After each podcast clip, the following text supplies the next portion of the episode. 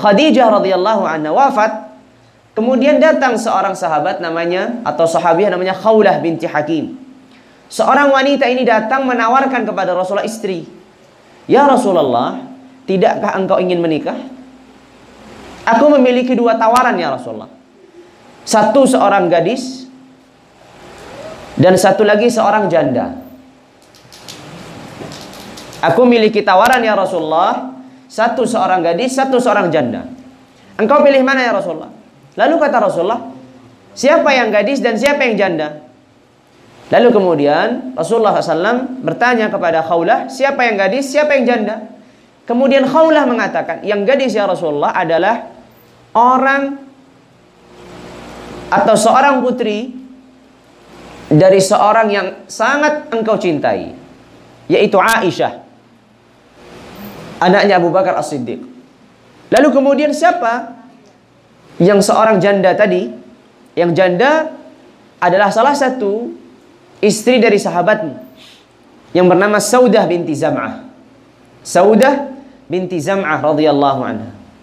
Lalu kemudian kata Rasulullah SAW, kalau begitu dua-duanya saja. Kalau begitu dua-duanya saja. Artinya Rasulullah SAW melamar dua-duanya melalui Khawlah binti Hakim radhiyallahu anha. Lalu kemudian Khawlah mendatangi ibundanya Aisyah Ummu Ruman Khawlah mendatangi ibundanya Aisyah yang bernama tadi Ummu Ruman binti Amir radhiyallahu anha. Lalu kemudian Khawlah mengatakan kepada Ummu Ruman, telah datang keberkahan kepada rumah kalian. Apa itu? Kata Ummu Ruman. Rasulullah SAW ingin melamar putrimu Aisyah. Pada waktu itu, ibunda Aisyah radhiyallahu anha usianya masih enam tahun. Pada waktu itu, ibunda Aisyah radhiyallahu anha usianya masih enam tahun. Mungkin kita akan heran dan kita akan kaget. Usia 6 tahun sudah dilamar. Karena adat istiadat kita, jangankan 6 tahun, 16 tahun sudah dilamar saja akan kaget orang. Nah, ini usia 6 tahun. Tapi kita perlu melihat setiap sejarah itu sesuai dengan keadaannya dan adat istiadat yang ada. Karena adat istiadat orang Arab pada zaman itu anak-anak yang jauh di bawah usia dengan bahasa kita sudah memiliki calon suami. Bahkan uniknya ibunda Aisyah radhiyallahu anha sebelum dilamar Rasulullah sudah dilamar orang lain. Artinya Rasulullah bukan seorang yang melamar pertama ibunda Aisyah.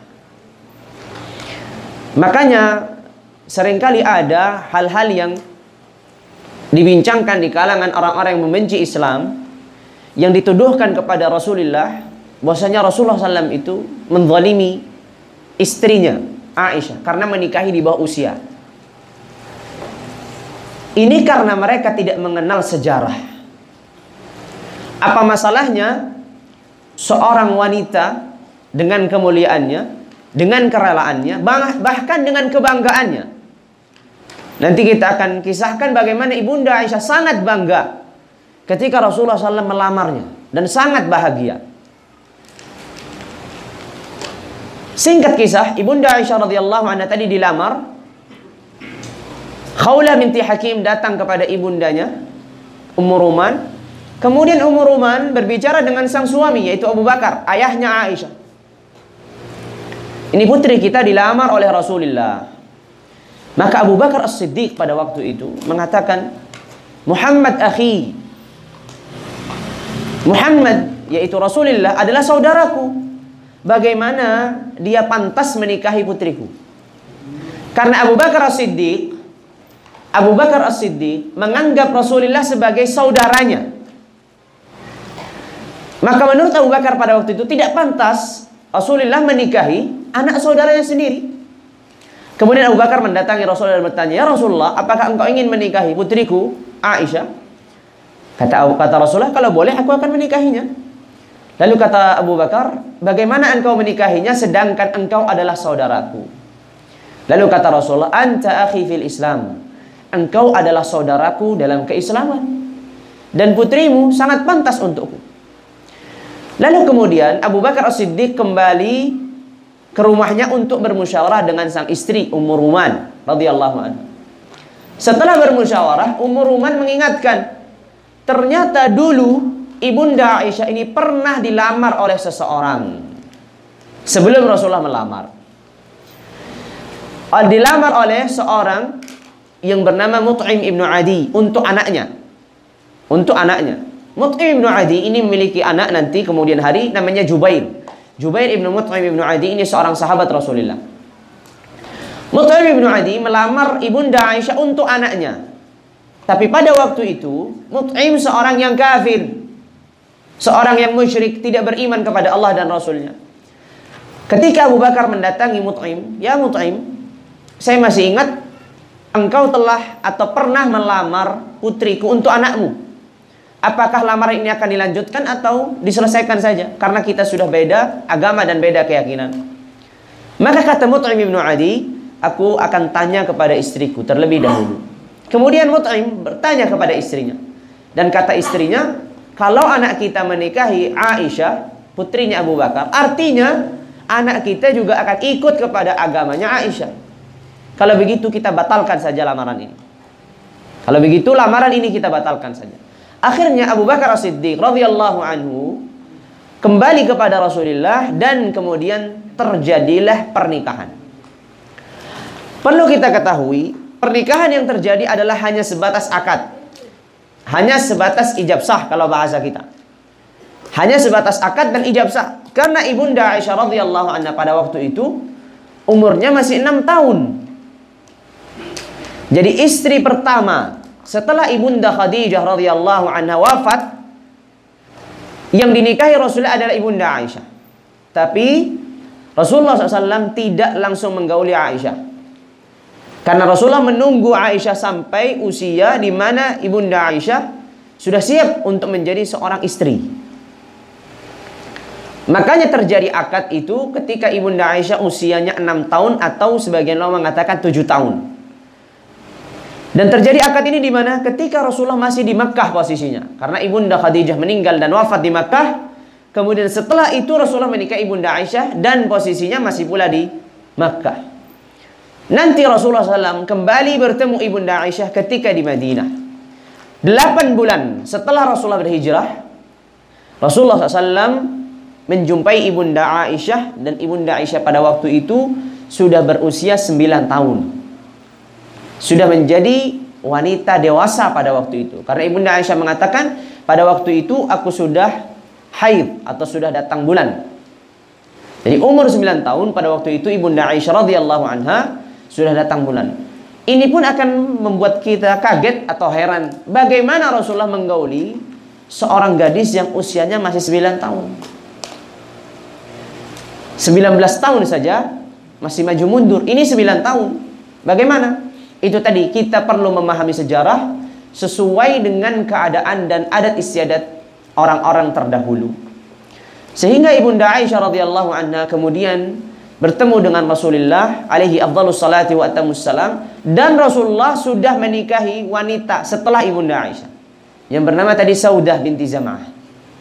Jadi Rasulullah setelah akad ijab sah dengan Abu Bakar atas putrinya Aisyah Kemudian Rasulullah menikahi ibunda Saudah, Saudah binti Zam'ah radhiyallahu anha, seorang sahabat Rasulullah dari kalangan wanita yang berhijrah ke negeri Habasyah bersama sang suami yaitu Sakran ibnu Amr. As-Sakran ibnu Amr radhiyallahu anhu meninggal. Ketika sang suami meninggal, Saudah binti Zam'ah menjadi seorang wanita janda. Dan Saudah binti Zam'ah usianya jauh di atas Rasulullah. Usianya sangat tua. Jauh di atas Rasulullah. Namun Rasulullah SAW waktu itu menikahi Saudah sambil menunggu dewasanya Aisyah radhiyallahu anha. Maka ketika Rasulullah bertemu dengan ibunda Aisyah, Rasulullah sudah memiliki istri yang sudah bersamanya yang bernama Saudah tadi. Artinya ketika Rasulullah SAW menikahi ibunda Aisyah, Rasulullah sudah memiliki tiga istri. Satu istri yaitu Khadijah sudah meninggal. Kemudian Saudah binti Zam'ah dan kemudian ibunda Aisyah radhiyallahu anha. Ibunda Aisyah radhiyallahu anha ketika dinikahi oleh Rasulullah, Rasulullah bercerita. Rasulullah bercerita, "Ya Aisyah, sesungguhnya sebelum aku menikahimu, Jibril datang dalam mimpiku." Jibril alaihi salam datang dalam mimpinya Rasulullah. Dan Jibril membawa seseorang yang dibungkus dengan kain sutra. Jibril membawa seseorang yang dibungkus dengan kain sutra. Kemudian Jibril mengatakan, Coba buka siapa yang dibalikkan sutra ini. Dan siapa pun yang kamu lihat, itu adalah akan menjadi istrimu kelak. Lalu kemudian dalam mimpinya Rasulullah dan mimpinya para nabi itu adalah wahyu. Mimpinya para nabi dan rasul itu adalah wahyu. Sebagaimana kita kenal mimpinya Nabi Ibrahim yang akan menyembelih sang anak Ismail alaihissalam yang datang dalam mimpinya. Mimpinya para nabi dan rasul itu wahyu, berbeda dengan mimpi-mimpi kita. Maka ketika Rasulullah membuka sutra itu ternyata dilihatlah Aisyah radhiyallahu anha. Dan mimpi itu berulang datang kepada Rasul. Makanya Rasulullah mengatakan, kalau seandainya ini sudah ditakdirkan, maka Allah Azza wa Jalla yang akan menyiapkan dan akan menjaganya. Dan benar, kemudian hari Ibunda Aisyah radhiyallahu anha menjadi istrinya Rasulullah. Dan bukan hanya menjadi istri, tapi menjadi seorang wanita yang sangat istimewa bagi Rasulullah. Karena semenjak Rasulullah sallallahu alaihi wasallam ditinggal oleh ibunda Khadijah radhiyallahu anha, Rasulullah SAW tidak pernah mencintai wanita yang lebih daripada cinta beliau kepada ibunda Aisyah. Cinta beliau kepada ibunda Aisyah radhiyallahu anha sangatlah luar biasa. Mungkin yang bisa menandinginya hanyalah cinta beliau kepada ibunda Khadijah. Tapi ibunda Khadijah sudah meninggal. Jadi Allah takdirkan ibunda Khadijah radhiyallahu anha meninggal sebelum hadirnya ibunda Aisyah. Untuk menggantikan kekosongan yang dimiliki dalam hati Rasulullah. Kenapa saya selalu mengatakan ibunda ibunda? Karena Allah Azza wa Jalla mengatakan An-nabiyyu awla bil mu'minina in anfusihim wa azwajuhu ummahatuhum. Istri-istri Rasulullah itu adalah ummahatuhum. Ibundanya ibundanya orang-orang beriman. Makanya sering kita kenal ummul mu'minin. Ibundanya orang-orang beriman. Istri-istri Rasulullah SAW karena ibundanya orang-orang beriman, maka setelah Rasulullah wafat, Aisyah dan istri-istri yang lain tidak boleh diharamkan Allah untuk dinikahi. Karena isi Rasulullah di dunia itu juga akan menjadi isi Rasulullah di akhirat. Karena isi Rasulullah di dunia itu pula akan menjadi istri Rasulullah di akhirat. Dan di sini ada suatu pelajaran bahwasanya istri seseorang yang di dunia akan menjadi istrinya di akhirat. Tentu dengan syarat keimanan yang ada. Dan ada syarat yang lain. Yaitu apabila suaminya meninggal, istrinya tidak menikah dengan orang lain lagi.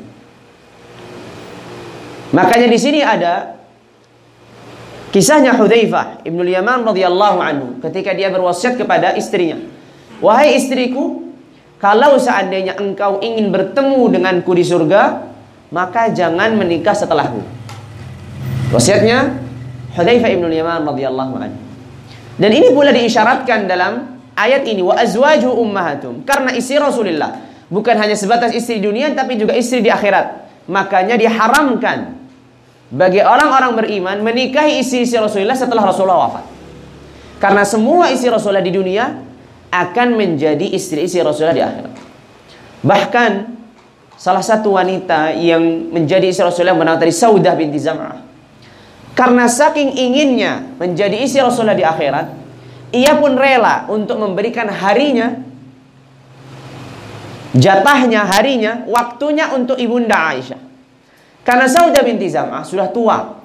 Rasulullah SAW tidak lagi membutuhkannya.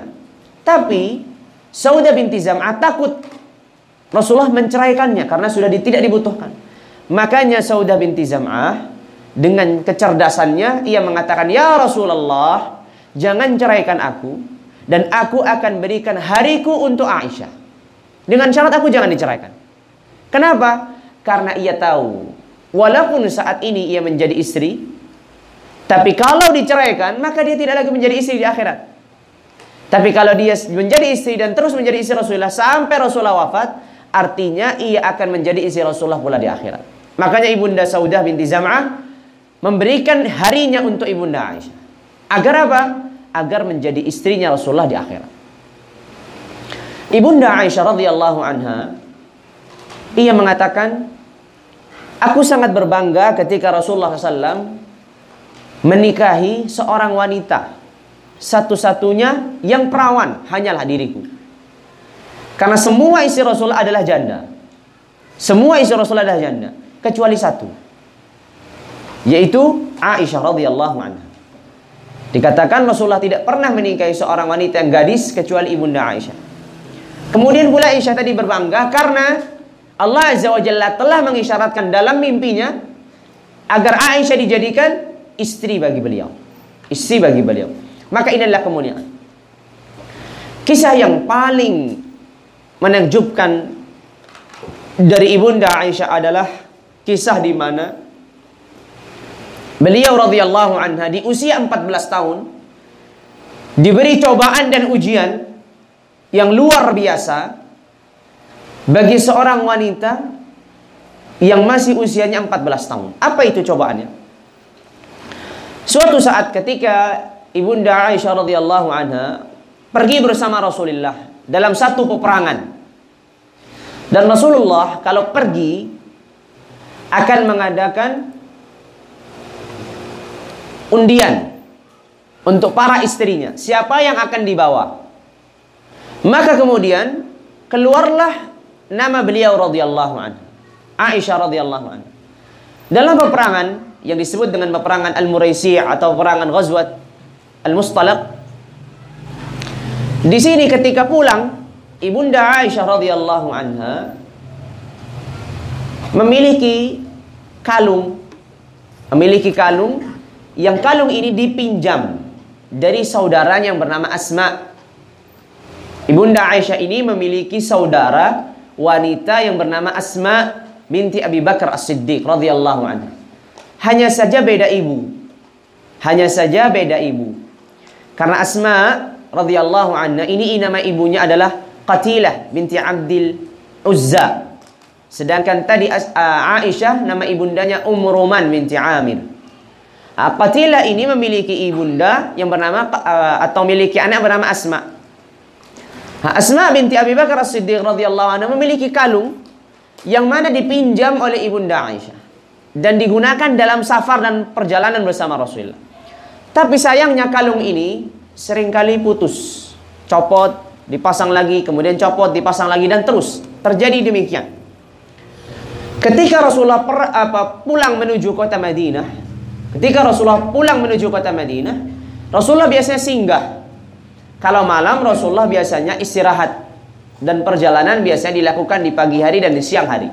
Untuk malam hari karena gelap, maka Rasulullah istirahat. Pada suatu saat ketika Rasulullah SAW istirahat dan posisi pulang menuju kota Madinah. Ibunda Aisyah radhiyallahu anha kehilangan kalungnya. Karena tadi kalungnya mudah copot, mudah putus, Ibunda Aisyah kehilangan kalungnya. Kemudian Ibunda Aisyah mencari kalungnya, mencari kalungnya. Dan pada waktu itu Ibunda Aisyah mengatakan, waktu itu aku masih dalam keadaan kurus. Masih belum banyak makanan yang aku makan sehingga aku masih kurus. Sehingga terkadang orang memikulku karena Ibunda Aisyah dibawa di namanya haudaj. Haudaj itu adalah uh, sesuatu seperti kamar kecil gitu ditaruh di atas unta. Di situlah ditaruh seorang wanita biasanya agar tertutup tidak nampak begitu. Ya, tertutup apa namanya kehormatannya sehingga terjaga kehormatannya. Ibunda Aisyah karena dia usianya masih muda 14 tahun. Kemudian waktu itu beliau katakan, waktu itu saya masih kurus. Karena ada kisahnya, Rasulullah SAW ini suka balapan lari, lomba bersama Rasul, sama istri-istrinya. Termasuk istrinya yang pernah diajak lomba balapan lari adalah Aisyah. Dua kali pernah terjadi balapan lari. Pertama ketika Ibunda Aisyah masih dalam keadaan kurus. Rasulullah balapan lari sama Ibunda Aisyah. Dan yang menang tentunya Aisyah radhiyallahu anha karena masih dalam keadaan kurus. Tapi setelah Ibunda Aisyah, kemudian hari sudah mulai gemuk.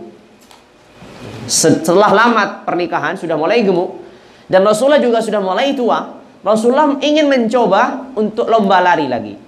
Dan pada waktu itu Rasulullah yang menang. Jadinya seri. Sekali menang, sekali kalah. Makanya Ibunda Aisyah pada waktu itu masih dalam keadaan kurus.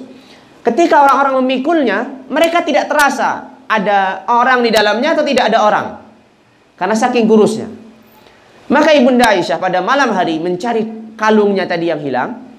Kemudian Rasulullah mengatakan kita akan berjalan. Di posisi malam gelap pada waktu itu tentunya tidak seperti zaman kita ada lampu, ada penerangan. Tidak ada penerangan, tidak ada lampu. Kemudian Rasulullah mengatakan malam ini juga kita berjalan. Ibunda Aisyah yang sedang mencari kalungnya ditinggal dan tadi orang-orang memikulnya tidak terasa. Karena tadi dikatakan Ibunda Aisyah masih dalam keadaan kurus. Maka dipikul saja dan dibawa. Ibunda Aisyah jauh mencari kalungnya. Ketika balik ke tempat di mana mereka istirahat, sudah tidak ada orang. Sudah kosong, ditinggal sama Rasulullah. Rasulullah tentu tidak tahu. Para sahabat yang memikulnya juga tidak tahu. Rombongan juga tidak ada yang tahu kalau Ibunda Aisyah sedang mencari kalungnya. Di sinilah Ibunda Aisyah bingung. Bisa kita bayangkan seorang wanita umur 14 tahun ditinggal di tengah padang pasir. Zaman itu nggak ada HP, tidak bisa menghubungi nelpon, tidak bisa update status apalagi. Ketinggalan rombongan gitu. Kalau ketinggalan rombongan nanti bisa dijemput. Zaman itu tengah padang pasir dengan kegelapan malam. Sehingga orang tidak pernah merasakan dan waktu itu orang juga jalan tidak tidak ramai seperti zaman kita. Zaman kita jalan umum ramai, Kalaupun ketinggalan masih ada banyak orang yang bisa membawa kita. Tapi ini sepi, tengah padang pasir, usianya masih sangat muda 14 tahun. Akhirnya Ibunda Aisyah diam di situ dan tertidur. Sudah nggak bisa berbuat apa-apa lagi. Ketika Ibunda Aisyah tertidur, ternyata ada seorang sahabat yang suka terlambat. Seorang sahabat ini namanya Sofwan ibn al-Mu'attal. Safwan radhiyallahu anhu ini seorang sahabat yang dia tidurnya susah bangun. Berat dia tidurnya. Makanya setiap perjalanan dia selalu terlambat, terakhir selalu. Rombongan sudah duluan jauh, dia terlambat. Akhirnya Safwan bin Mu'attar radhiyallahu anhu ini mengenal Ibunda Aisyah dan pada waktu itu sudah diturunkan ayatul hijab. Artinya Ibunda Aisyah sudah menggunakan hijabnya sehingga tidak nampak wajahnya. Tertutup wajahnya. Tapi karena Ibunda Aisyah tertidur di situ, namanya orang tidur, tidak terasa wajahnya tersingkap. Maka Safwan bin Al-Mu'attal ketika melihat Ibunda Aisyah, dia mengucapkan inna lillahi wa inna ilaihi raji'un. Dia karena mengenal. Safwan ini mengenal bahwasanya itu adalah Aisyah karena mengenal sebelum Aisyah berhijab. Sebelum Aisyah menutup wajahnya. Lalu kemudian Safwan menunggu Ibunda Aisyah sampai terbangun. Dengan terik matahari kemudian terbangun. Kemudian Sofwan mempersilahkan Ibunda Aisyah untuk naik di atas ontanya dan Sofwan lah yang menuntun ontanya. Perjalanan yang jauh, posisi Rasulullah sudah sampai ke Madinah dan mereka tidak tahu kalau Ibunda Aisyah terlambat. Tidak ada di sampai kemudian mereka sudah sampai di Madinah, kemudian mereka baru sadar ternyata Ibunda Aisyah tertinggal. Tapi mereka juga sadar bahwasanya di sana ada seorang yang selalu terlambat. Ternyata orang terlambat masih ada manfaatnya. Sofwan bin Mu'attal ini akhirnya membawa Ibunda Aisyah. Dan di sinilah kesempatan bagi orang-orang munafik, orang-orang yang membenci Islam dalam batin mereka untuk menyerang Rasulullah. Karena apa? Melihat seorang wanita bersama laki-laki sendirian, hanya berdua. Kita nggak bisa bayangkan pada waktu itu jalanan sepi di tengah malam, kemudian perjalanan cukup jauh sampai siang, lalu kemudian hanya seorang wanita dan laki-laki. Ini penuh dengan kecurigaan. Akhirnya di sinilah seorang munafik yang kita kenal dengan Abdullah bin Ubay bin Salul. Abdullah bin Ubay bin Salul Abdullah bin Ubay bin Salul ini subhanallah. Tukang fitnah. Seorang munafik yang sangat terkenal. Tapi anaknya ia miliki dua anak. Yang pertama adalah Abdullah juga, anaknya namanya Abdullah. Namanya Abdullah bin Abdullah bin Ubay bin Salul. Seorang sahabat Rasulullah dan dia seor bukan seorang munafik. Seorang sahabat Rasulullah yang pernah pada waktu itu meminta izin Rasulullah untuk membunuh ayahnya. Ketika Rasulullah mengabarkan tentang bahwa saya dirinya sangat terganggu dan ingin membunuh seorang munafik. Maka Abdullah sang anak mengatakan, "Ya Rasulullah, kalau engkau ingin membunuh ayahku ya Rasulullah, jangan perintahkan siapa pun dari kalangan sahabat, perintahkanlah diriku." Sehingga tidak ada keributan nanti di kalangan keluarga. Biar aku yang bunuh ayahku sendiri.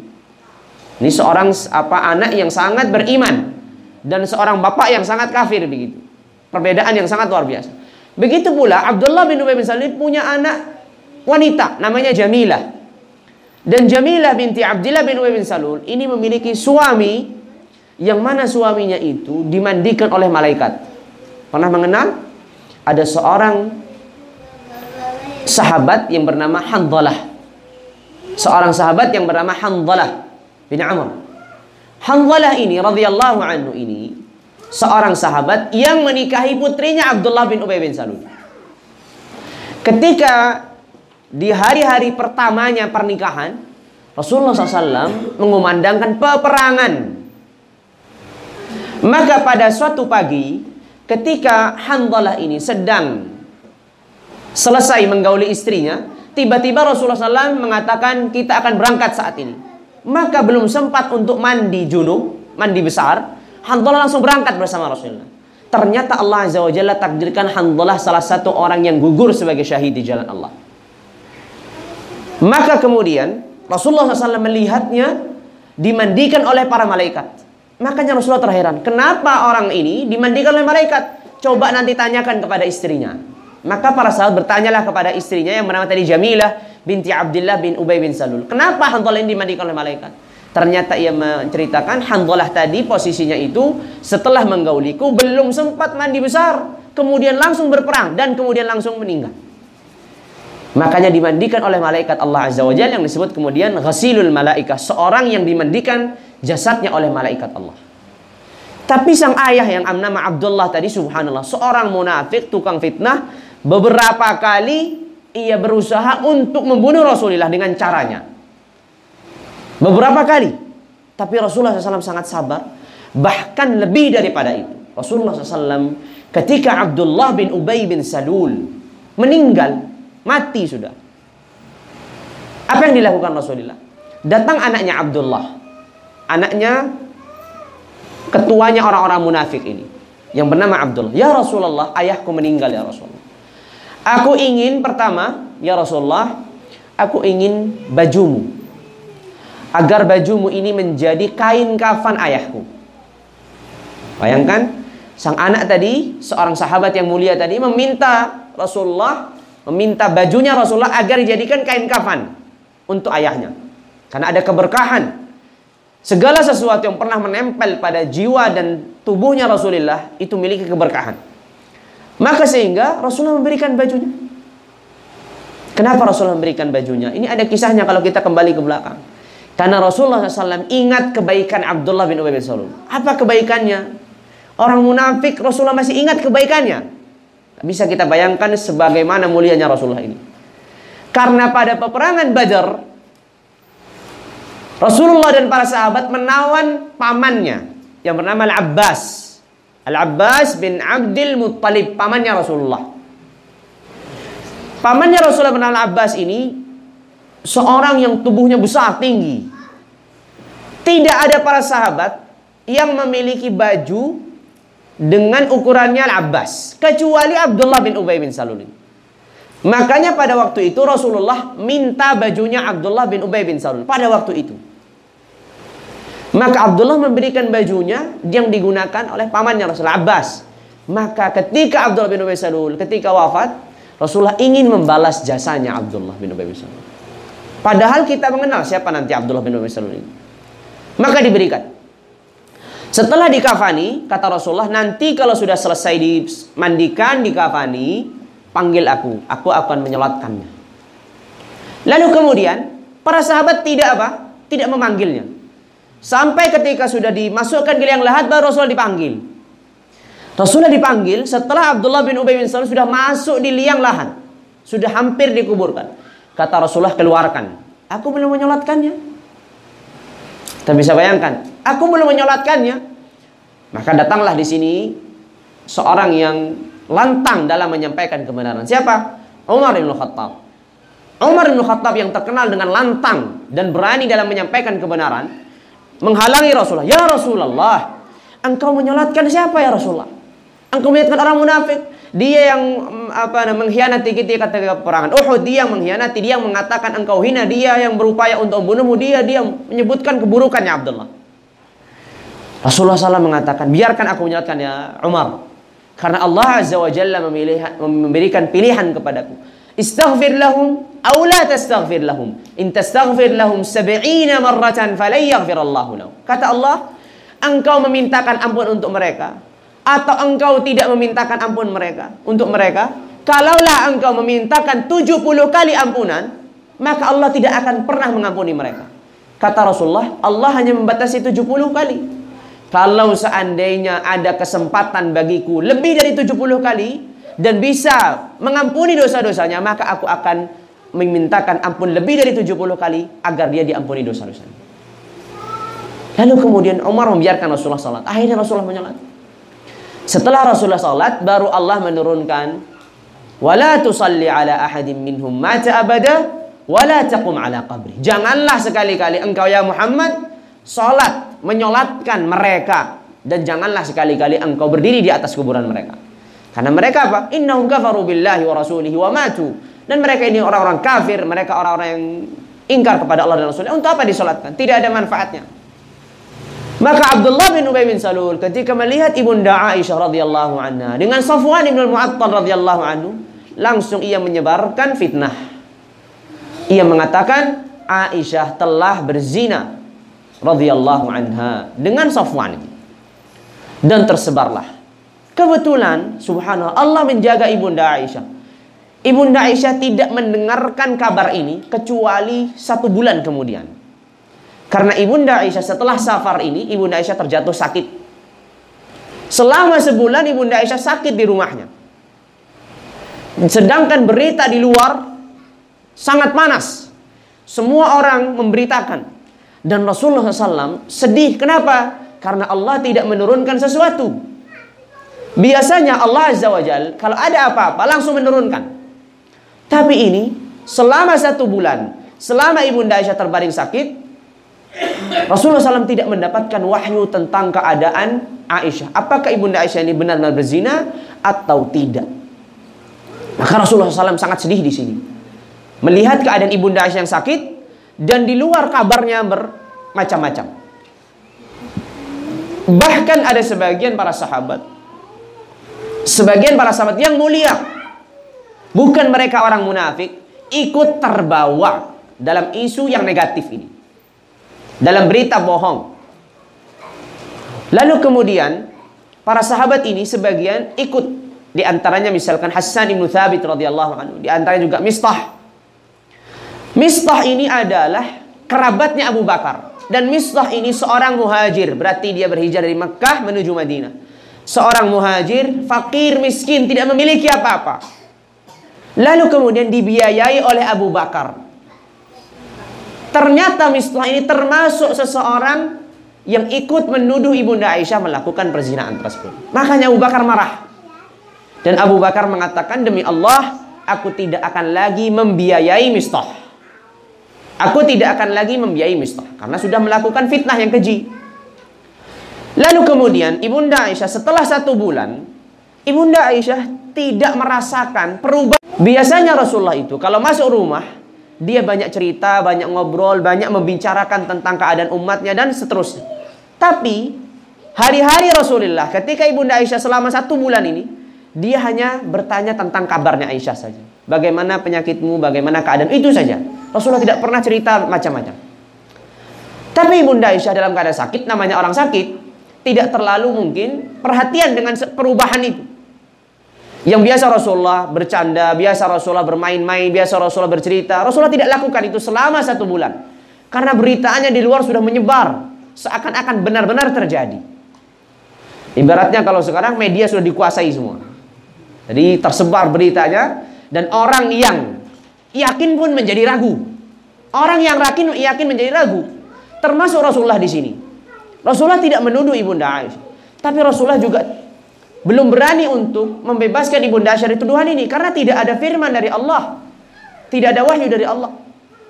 Sehingga Rasulullah SAW setelah satu bulan Ibunda Aisyah sudah sembuh Ibunda Aisyah ingin buang hajat Keluar Karena pada waktu itu Zaman itu Tidak ada tempang, tempat buat buang hajat Seperti zaman kita itu sudah ada tersedia di dalam rumah Kamar mandi atau WC di dalam rumah Zaman itu orang buang hajat di luar Jauh Dan para wanita kalau buang hajat biasanya malam hari Agar tertutup Suatu malam Ibunda Aisyah keluar tapi pada waktu itu masih dalam keadaan belum sembuh normal. Masih dalam keadaan setengah sembuh setengah sakit. Maka dituntunlah dikawani oleh ibundanya Mistah. Ibundanya Mistah. Dalam perjalanan mau buang hajat, Aisyah terpleset. Ketika terpleset, ibunda Mistah ini ingat Mistah dan dia mencela Mistah. Lalu kemudian Ibunda Aisyah heran karena Ibunda Aisyah sampai detik ini belum mengetahui apa yang terjadi di luar. Belum mendengar kabar apa pun karena dia sakit. Beliau radhiyallahu anhu sakit. Setelah mendengar celaan ibundanya kepada Mistah, Aisyah bertanya, "Kenapa engkau celah anakmu? Kenapa engkau hina anakmu? Bukankah Mistah seorang sahabat yang mulia? Dia seorang muhajir, dia seorang sahabat Nabi. Kenapa engkau celah?" Lalu kemudian ibunda Mistah ini karena dia tidak tahu juga kalau Aisyah belum tahu, ia mengatakan, tidakkah kamu tahu apa yang terjadi di luar? Aku tidak tahu, aku selama ini sakit di rumah. Lalu kemudian ibunda Mistah ini bercerita. Orang-orang membicarakan tentang kamu. Bahwasanya kamu telah berzina dengan fulan yang bernama tadi Safwan bin Mu'attal dan seterusnya As-Sulami radhiyallahu anhu. Maka ibunda Aisyah radhiyallahu anha yang tadinya sudah mau sembuh terbaring lagi jatuh sakit. Usianya masih 14 tahun. Nggak bisa bayangkan usianya 14 tahun tuduhan ini sudah apa menempel pada dirinya.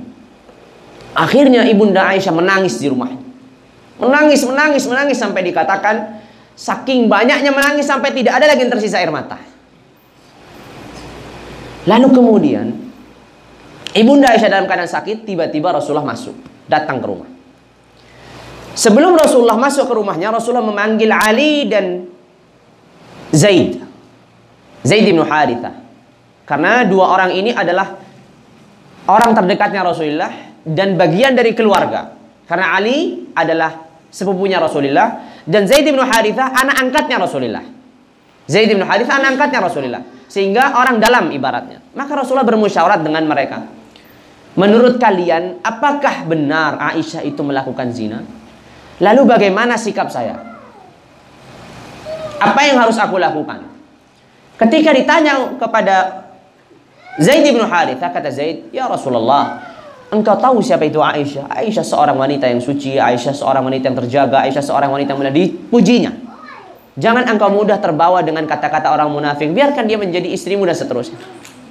Lalu ketika ditanya kepada Ali, kata Ali, "Ya Rasulullah, daripada engkau sibuk mengurusi fitnah ini dan engkau kemudian sedih berlarut-larut, maka mudah saja Allah Azza wa Jal masih membukakan peluang untuk menikahi banyak istri. Ceraikan satu istri ini selesai perkaranya.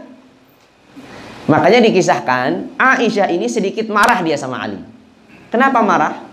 Karena Ali tadi mengisyaratkan untuk ceraikan saja Rasulullah mudah aja. Perkaranya mudah. Daripada kamu sibuk, engkau sibuk dan sedih gara-gara satu wanita ini, mendingan diceraikan selesai masalahnya. Lalu kemudian Rasulullah masuk. Ketika Rasulullah SAW masuk, Aisyah radhiyallahu anha mengatakan, "Ya Rasulullah, izinkan aku bertemu dengan kedua orang tuaku." Maka kemudian dipanggillah ibundanya Aisyah, Ummu Ruman dan Abu Bakar. Lalu kemudian Abu Bakar As-Siddiq dan ibundanya Ummu Ruman ditanya sama ibunda Aisyah. Ya abata, ya ummah, apa yang dikatakan orang di luar? Lalu kemudian menceritakan apa yang dikatakan. Apakah orang-orang tidak percaya dengan keterjagaanku dan seterusnya? Maka ayahnya dan ibundanya pun tidak bisa melakukan apa-apa. Karena beritanya di luar sudah tersebar. Sudah menguasai keadaan. Lalu kemudian Rasulullah SAW Waktu itu kemudian Rasulullah SAW memulai dengan Bismillah.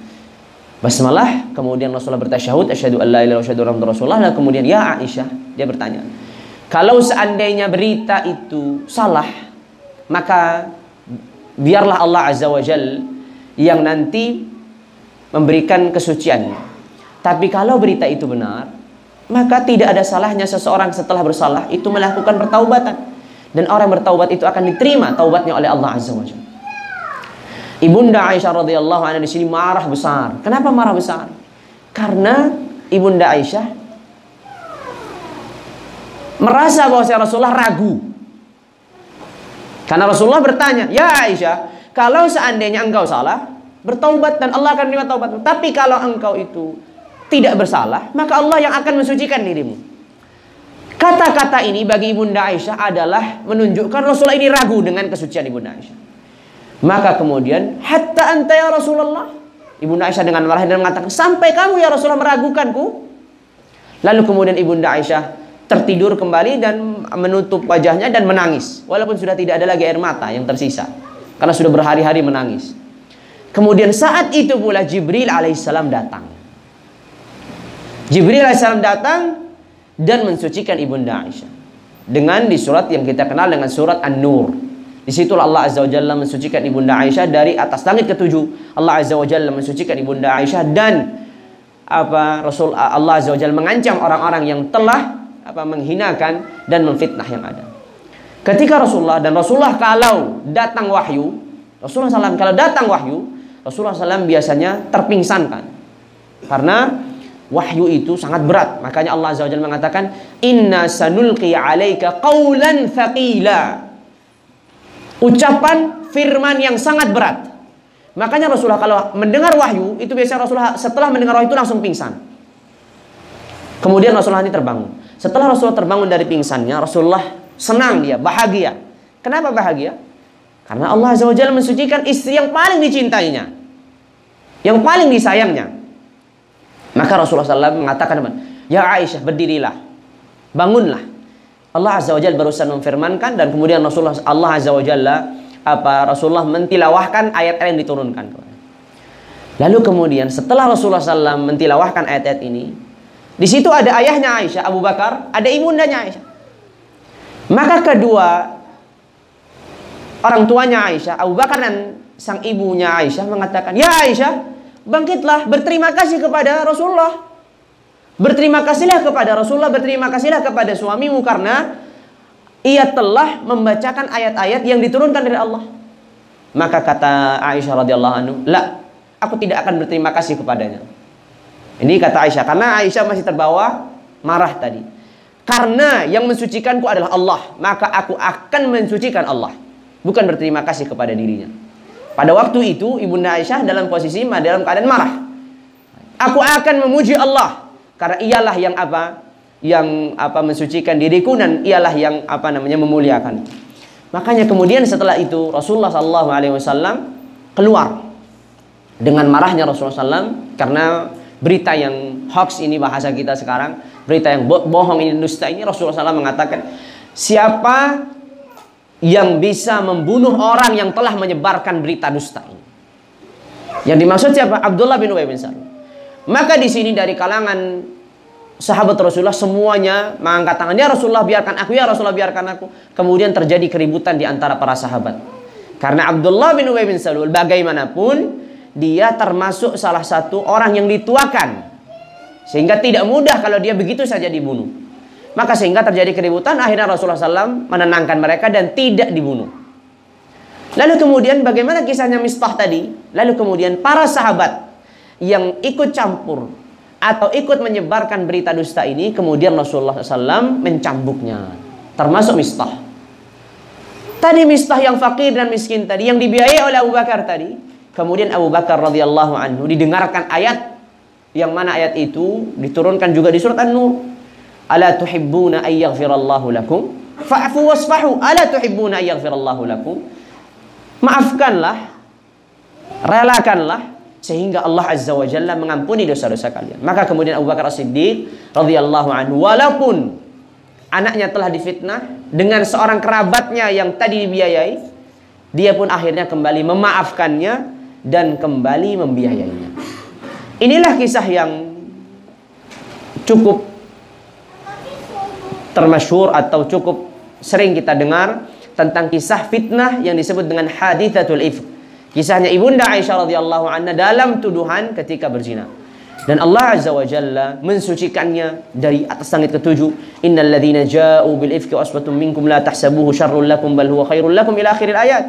Menunjukkan bahwasanya ini adalah kemuliaan dan di sinilah Ibunda Aisyah selalu berbangga. Semua istri Rasulullah tidak memiliki ayat yang mensucikan dirinya sebagaimana diriku memiliki ayat yang mensucikan diriku. Inilah apa namanya sepenggal kisah dari kisahnya Ibunda Aisyah radhiyallahu